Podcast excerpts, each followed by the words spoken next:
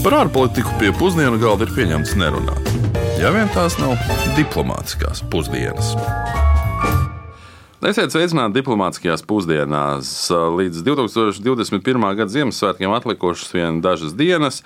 Covid pandēmija vēl nav beigusies un turpina mūs pārsteigt un iepriecināt ar dažādiem jauniem variantiem.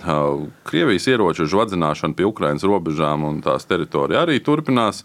Ķīnas augošā ietekme dažādos pasaules reģionos arī turpinās. Uh, Marina Lepēna atkal mēģinās kļūt par Francijas prezidentu nākamgad un tā tālāk. Un tā, tā, tā raidījuma kā vēstures gada notikuma apskats. Gada notikuma apskats, jā. Nu, te jau man būtu jāturpina par uh, nemieru pilno pasaules politiku, ja, par to, ka Eiropas Savienībā vēl joprojām neusticas visi Eiropas Savienības pilsoņi, lai arī kā tās vadība censtos. Par to, ka Sīrijā un Jemenā pilsoņu kari arī nav beigušies, ka ASV rasisms vēl nav beidzies, par to, ka Palestīnas un Izraels attiecības vēl nav atrisināts pārliecināts par to, ka Baltkrievijas režīms dzen pašu sev Krievijas apkampienos. Nu jā, nu, varbūt tomēr uh, Ziemassvētku laikam izvēlēsimies kaut ko mierīgāku. Tādēļ šoreiz mēs runāsim par Norvēģijas karalisti, par sniegu un mieru, kas pieder Ziemassvētkiem. Un es būtu arī pārsteigts, ka Latvijā atrastos kāds cilvēks, nu, varbūt pat pirmās klases skolnieku līmenī, kurš nebūtu dzirdējis par šo mūsu salīdzinoši nelielo, bet tomēr ziemeļu valsti kaimiņos. Valsti, kurā viss ir lieliski un perfekti. Nu jā, kā tad Norvēģija, kas slavena ar vikingiem un izciliem atklājējiem un ceļotājiem un jūras braucējiem, ir gājis mieru ar mieru sekmēšanu pasaulē, un kas tad ir Norvēģijas veiksmes stāsta pamatā, nu tad to arī tūlīt skaidrosim. Bet pirms tam paklausīsimies, ko tad par Norvēģiju zinās stāstīt mūsu klausītāji. Ar ko jums asociējas Norvēģija? Norvēģija ar skaistu dabu, augstumu, kvalitīvu apģērbu, ziemas sporta veidu, Bjorndālu. Laikam viss. Ar lašiem, ziemeļiem, fjordiem. Ziemeļu valsts mūsu kaimiņu. Brīnišķīga valsts. Kā ar kalniem, sniegu. Ar kalniem, ar mežiem, ar ūdeņiem. Ar uh, klintīm, ūdenskritumiem un tiem, tiem jocīgajiem rūķiem, nē, savādāk kaut kā viņi sauc truļi.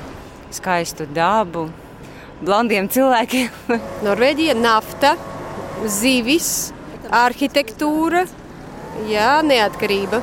Man vairāk laikam Norvēģijas dabu tie ir tās lielās klintis, troļu zeme, jā, ka daudz akmeņu, relatīvi maz uh, koku materiālu, laikam. Um, nu jā, tas vēsums un arī cilvēkos raksturiezīme ir, ka viņi ir tādi vēsāki, ieturētāki jā, nekā Dienvidvalstīs. Norvēģijas vēsture nav atdalāma no Ziemeļvalstu vēstures kopumā. Ne tikai norvēģiski runājošie var relatīvi veiksmīgi saprast gan dāņus, gan zviedrus, bet valstīm un tautām ir arī ļoti daudz kopējas vēstures. Un Un te jau runa nav tikai par vikingu laiku, runa ir par Kalmāra savienību viduslaikos, un tā bija mūsu pašu pazīstamās Hanzas līgas konkurente.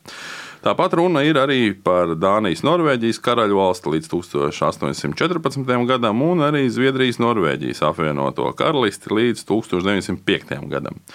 Bet tieši 20. gadsimta sākumā referendumā Norvēģija ieguva pilnvērtīgu neatkarību. Mm, jā, nu, bet līdz nepazaudēja to otrā pasaules kara laikā, kad valstī iebruka nacistiskās Vācijas karaspēks. Un, respektīvi, Norvēģija pasludināja neutralitāti gan pirmā, gan otrā pasaules kara laikā. Nu, ja pirmā kara laikā smagi cieta Norvēģija kuģniecība, tad otrā pasaules kara laikā Norvēģiju 1940. gadā okupēja Trešais Reichs. Tas arī skaidro to, kādēļ Norvēģu valsts vīri 1949. gadā atteicās no neutralitātes un kļuva par vienu no NATO dibinātāju valstīm. Un, laikam jau tas slavenais teiciens, grib mieru, gatavojies karam, Norvēģija acīs bija kļuvis burtisks. NATO gan tomēr nav uzbrukuma alianse, bet gan aizsardzības alianse. Pēdējā laikā mēs dzirdam šo ļoti bieži atgādinot kādai austrumu kaimiņu valstī. NATO primārais uzdevums tomēr ir veicināt mieru. Tādēļ nevar teikt, ka Norvēģi atsakoties no neutralitātes un izvēloties NATO, pēkšņi būtu atgriezušies pie savām vikingu saknēm. Patiesībā gluži pretēji konflikta risināšana dažādos pasaules reģionos un dalība mieru uzturēšanas misijās un sarunu vešanas starp karojošām pusēm ir kļuvusi par daļu no Norvēģijas ārpolitikas un diplomātijas. Bet kas tad šo mazo ziemeļvalstu pamudināja šim visam pievērsties un kā te ir veicies ar šo ārpolitikas vektoru? To mēs vaicājām doktoram Digim Kļaviņam. Kurš ir Latvijas Universitātes sociālo zinātņu fakultātes vadošais pētnieks. Lai arī iesaistīšanās miera procesos tiek datēta ar 1993. gadu, tomēr svarīgi atzīmēt, ka vairākos vēstures pētījumos ir konstatēts, ka Norvēģijā miera diskurss un miera tēma ir pastāvējusi vismaz kopš 1890. gadiem. Gan miera iedziena izmantošana politiskajā mobilizēšanā par Norvēģijas neatkarību, gan ikgadējā Nobela miera prēmijas iedibināšana un pasniegšana Oslo ir tikai divi no daudziem piemēriem, kur Norvēģija nacionālā identitāte savijas ar miera tematiku. Kopumā miera konceptu Norvēģijas ārpolitikas diskursā 20. gadsimtā var vērtēt kā klātesošu, bet ne dominējošu. Savukārt situācija būtiski mainās līdz ar augstākā beigām, un, manuprāt, par intelektuālo sākuma punktu var uzskatīt Norvēģu sabiedriskā darbinieka un bijušā Norvēģijas ārlietu ministrijas valsts sekretāra Jana Egelanda publicēto darbu 1988. gadā, kurā izvirza tēzi, ka mazām valstīm ir ir salīdzinošas priekšrocības padarīt pasauli labāku. Lai arī sākotnēji Egelants norādīja uz cilvēktiesībām, taču drīz vien šī ideja tika paplašināta un aptvēra miera konceptu kopumā.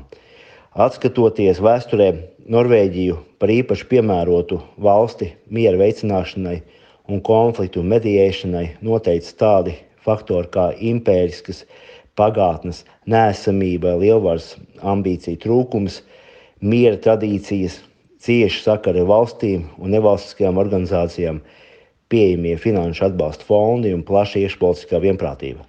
Kopš 1993. gada Norvēģija kā konfliktu vidutāja ir iesaistījusies miera sarunās tādās valstīs kā piemēram Izraela, Palestīna, Afganistāna, Nepāla, Filipīnas, Sudāna, Venecuēla un Mjanma. Šogad laikā Norvēģijas ieguldījums miera nodrošināšanā ir bijis plašs, sākot no miera sarunu veicināšanas, konfliktā iesaistīto pušu samierināšanas, piemēram, Kolumbijā vai Somālijā, līdz pat finansējuma sniegšanai un tehniskā atbalsta nodrošināšanai. Katrs gadījums ir neapšaubām savādāks. Tajā pašā laikā kopīgi elementi ir konfliktā iesaistīto pušu gala atbildība, Norvēģijas gatavība nodrošināt palīdzību miera sarunās ilgtermiņā, vēlme runāt ar visām konfliktējušām pusēm, tāpat arī gatavība pieņemt neizdošanos sarunās, pieejamais finansējums un cilvēku resursi, cieši darbs ar starptautiskajiem partneriem, kā arī, protams, stingra apņemšanās ievērot objektivitāti sarunās. Neskatoties to, ka Norvēģijas iesaistīšanās un panāktais rezultāts nevienmēr ir guvis pozitīvu novērtējumu, kā piemēram 1993. gadā noslēgtais Oslo miera līgums starp Izraelu un Palestīnu vai miera sarunas Šrilankā, tomēr šīs Skandināvijas valsts ilgtermiņa ieguldījums miera veicināšanā ir atzinīgi jānovērtē. Nu, Mieru uzturēšana daudzpusējā diplomātija ir redzot, būtiska daļa no Norvēģijas ārpolitiskās darbības un, un jau arī Norvēģijas kultūras. Un tas, ko Dīdis arī pieminēja, tāds viens par, par Janu Egelandu, tad viens komisks, bet kvalitatīvs piemērs tam ir arī pasaulē slavenā Norvēģija komiķa dueta Ilvis veidotā parodija dziesma nosaukumu Janu Egelandu, kurā tieši sarkastisks mejs par šo diplomātu un miera veicināšanas kultūru, kuru viņš reprezentē. Nu, Ilvis, protams, kā mēs visi zinām, pasaulē slavenā slavena kļuva ar citu parodiju dziesmu, kas saucās What Does the Fox Say? Bet no miera uzturēšanas pie sociāla-ekonomiskā miera pašmājās.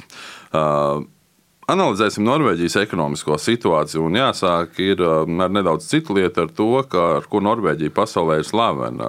Tā ir labākā un laimīgākā valsts uz planētas.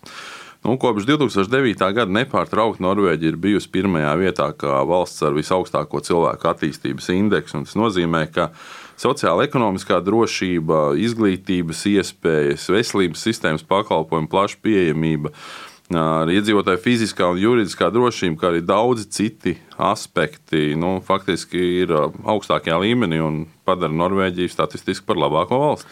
Nu, ja skatāmies uz 5,5 miljonu iedzīvotāju lielās Norvēģijas IKP uz vienu iedzīvotāju pēc Pasaules bankas datiem, tad valsts gan nav pat bagātākā. 2020. gadā tai priekšā bija vēl 11 valstis, tostarp arī Luksemburga, Īrija, Amerikas Savienotās valsts.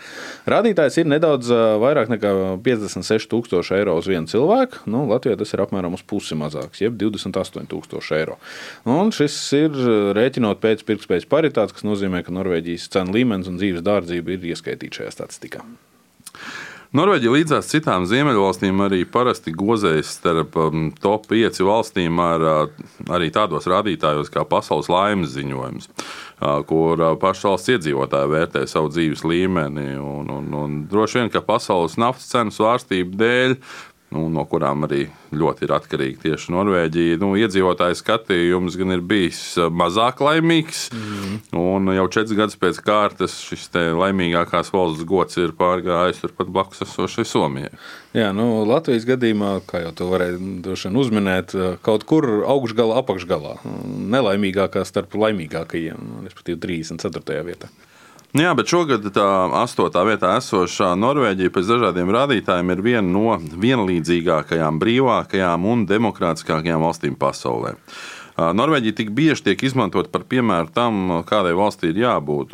Te nav runa tikai par bēdīgi slaveno iepriekšējā ASV prezidenta izteicienu. Jā, nu runa ir arī par to, kāda varētu būt tik viena valsts, kas ir apveltīta ar naftas un dabasgāzes resursiem, ko eksportē pa visu pasauli. Patiesībā sakot, tieši naftas un gāzes atklāšana Norvēģijai piedarošajos ūdeņos 1969. gadā veicināja Norvēģijas ekonomikas uzplaukumu un pilnīgi arī tās struktūras maiņu. Lai gan jāsaka, ka Norvēģija tomēr tradicionāli ir bijusi starp bagātākajām citām Eiropas valstīm arī pirms naftas atklāšanas. Nu, Iera apstākļi kombinācijā ar labu pārvaldības principu iedzīvināšanu un efektīvu birokrātisko aparātu. Acīm redzot, veicināja ekonomisko izaugsmu. Pēc atsevišķiem datiem 1938. gadā Norvēģija bija vairāk nekā uz pusi bagātāka par tā laika Ulmaņa Latviju, skatās IKP uz vienu iedzīvotāju.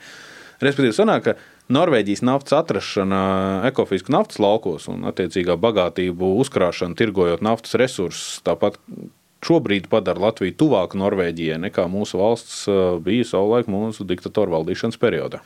Nu, nu, Norvēģijas ekonomika nav tikai naftas un gāzes eksports. Un, uh, pat ja nafta nodrošina 9% darba vietu un 12% no IKP un vairāk nekā trešo daļu no visu valsts eksporta. Valsts ir bagātīgi apgādāta arī ar zivīm, mežiem nu, dažādiem citiem minerāliem, tostarp alumīniju. Norvēģija skaitās pasaulē otrais lielākais jūras velšu eksportētājs pēc Ķīnas. Un, starp citu, interesanti, ka Zviedrija Norvēģijas eksportā ieņem tikai trešo vietu pēc apvienotās karalistes un Vācijas. Nu, importā gan kaimiņu valstī ir tomēr pirmā vieta. Nu, kā daudz zinās, Norvēģija arī aktīvi ir sākusi cīnīties pret klimatu pārmaiņām un vidas degradēšanu. Ne tikai valsts ir apņēmusies pilna jau no 2025. gada, un pēc četriem gadiem atteikties no iekšzemes dzinējiem un aktīvi ir veidojusi eh, elektroautorāta uzlādes infrastruktūru, bet arī elektroenerģijas ražošanā tā ir gandrīz pilnībā atkarīga no hidroelektrostacijām. Starp citu, runājot tieši par pārēju uz elektroautobīļiem, man patīk viens neliels komentārs no kāda man paziņas, kurš teica, ka Latvijā ir diezgan grūti ar elektroautorātu ieviešanu, jo mums ir ļoti maza uh, mājsaimniecību, kas ir neatkarīga kā mājas. Mums ļoti daudz cilvēku tomēr dzīvo daudz stāvu mājās, un pie tām elektroautorāta infrastruktūra lādēšanas uz, uztaisīt ir ļoti sarežģīti. Pagarinātais no 9. stāva pa logu ārā un lādē pie mājas. Norvēģijā, acīm redzot, ir iespējas to darīt savādāk. Bet, ja runājam nopietni, tad Norvēģi ļoti labi apzinās savas ekonomikas atkarību no naftas cenām. Un, pirms dažiem gadiem Norvēģija bija izveidojusi arī pasaulē lielāko valsts uzkrājumu fondu, kurš šobrīd pārsniedz 1,2 triljonus eiro. Un tas faktiski pārsniedz apmēram trīs reizes arī pašu Norvēģijas IKP. Maz jau nerunājot par uh, ļoti lielu skaitu citu pasaules valstu. Nu, vienlaikus pieprasījums pēc naftas, kad tas sāk svārstīties, uh, līdz ar to sāk svārstīties arī Norvēģijas ekonomika. Tādēļ jau iepriekšējā premjerministra arī bija pirmā, kas sāka pašvaldības vajadzībām ņemt naudu no šī fonda. Tas ir interesanti, ka Norvēģijas valsts uzkrājuma izmēra dēļ ir problēmas atrast īpašumus un uzņēmumus, kuros šo vērtību saglabāt un audzēt. Tādēļ arī Norvēģijas valstī pieder daļas no Apple, no Nestle, no Microsoft, no Samsung. Un kā paši norāda šajā Norvēģijas valdības pensiju fondā, ir apmēram 1,4% no biržos tirgotajām visas pasaules kompāniju akcijām. Nu, rezumējot, laikam gan ir jāsaka, ka Norvēģijas veiksmes stāsts jau nav tikai nafta. Respektīvi, ar naudu vien būs par maz, ja nu, īsti nepratīs to prātīgi apsaimniekot, un to mēs arī daudzos citos raidījumos esam jau pieminējuši. Ja nebūs daudzveidīgas ekonomikas, kur ir vērsta uz ilgtermiņa valstiskumu un sabiedrības saglabāšanu, ja nebūs centieni veidot iekļaujošu, vienlīdzīgu sabiedrību un uzturēt arī funkcionējošas valsts institūcijas.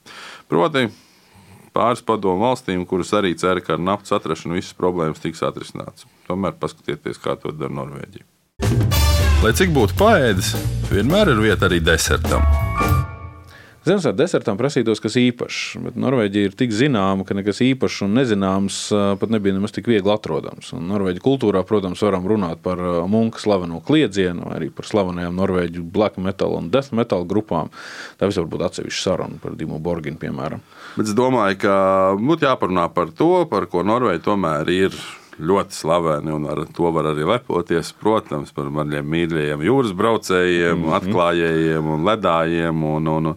Sāksim ar to, ka man, starp citu, bija diezgan liels pārsteigums ka, un atklājums, ka Norvēģijai pieder aizjūras teritorijas, un arī jo šo, šobrīd joprojām. Un, Un te nav runa tikai par Svalbāras arhipelāgu Ziemeļvidus okeānā. Kur starp citu Špitsbergenas salā atrodas slavenais Svalbāras pasaules sēklu depozitārijas, kurā nebaltai dienai tiek uzglabāts visas pasaules augu sēklas. Um, jā, runa ir arī par turpat relatīvi netālu atrodamo Jana Maijena salu, kā arī Atlantijas okeāna dienvidos atrodamo Buvē salu un Klusā okeāna dienvidos atrodamo Pētera pirmā salu. Buvē salu, ko savulaik atklāja franču jūras braucēji, skaitās pasaulē visattālākā tālākā sala. Tā ir tik tālu prom no jūras ceļiem un komunikācijām, ka to var droši saukt arī par nu, gandrīz tādu pasaules malu. Nu, Tādēļ arī pirmie, kas tur ieradās tikai 1927. gadā, bija tieši Norvēģi, nu, kas to arī saka, pierakstīja sev savam īpašumam. Bet līdzīgs stāsts ir arī ar salu, ledus gabalu Pētera pirmo salu.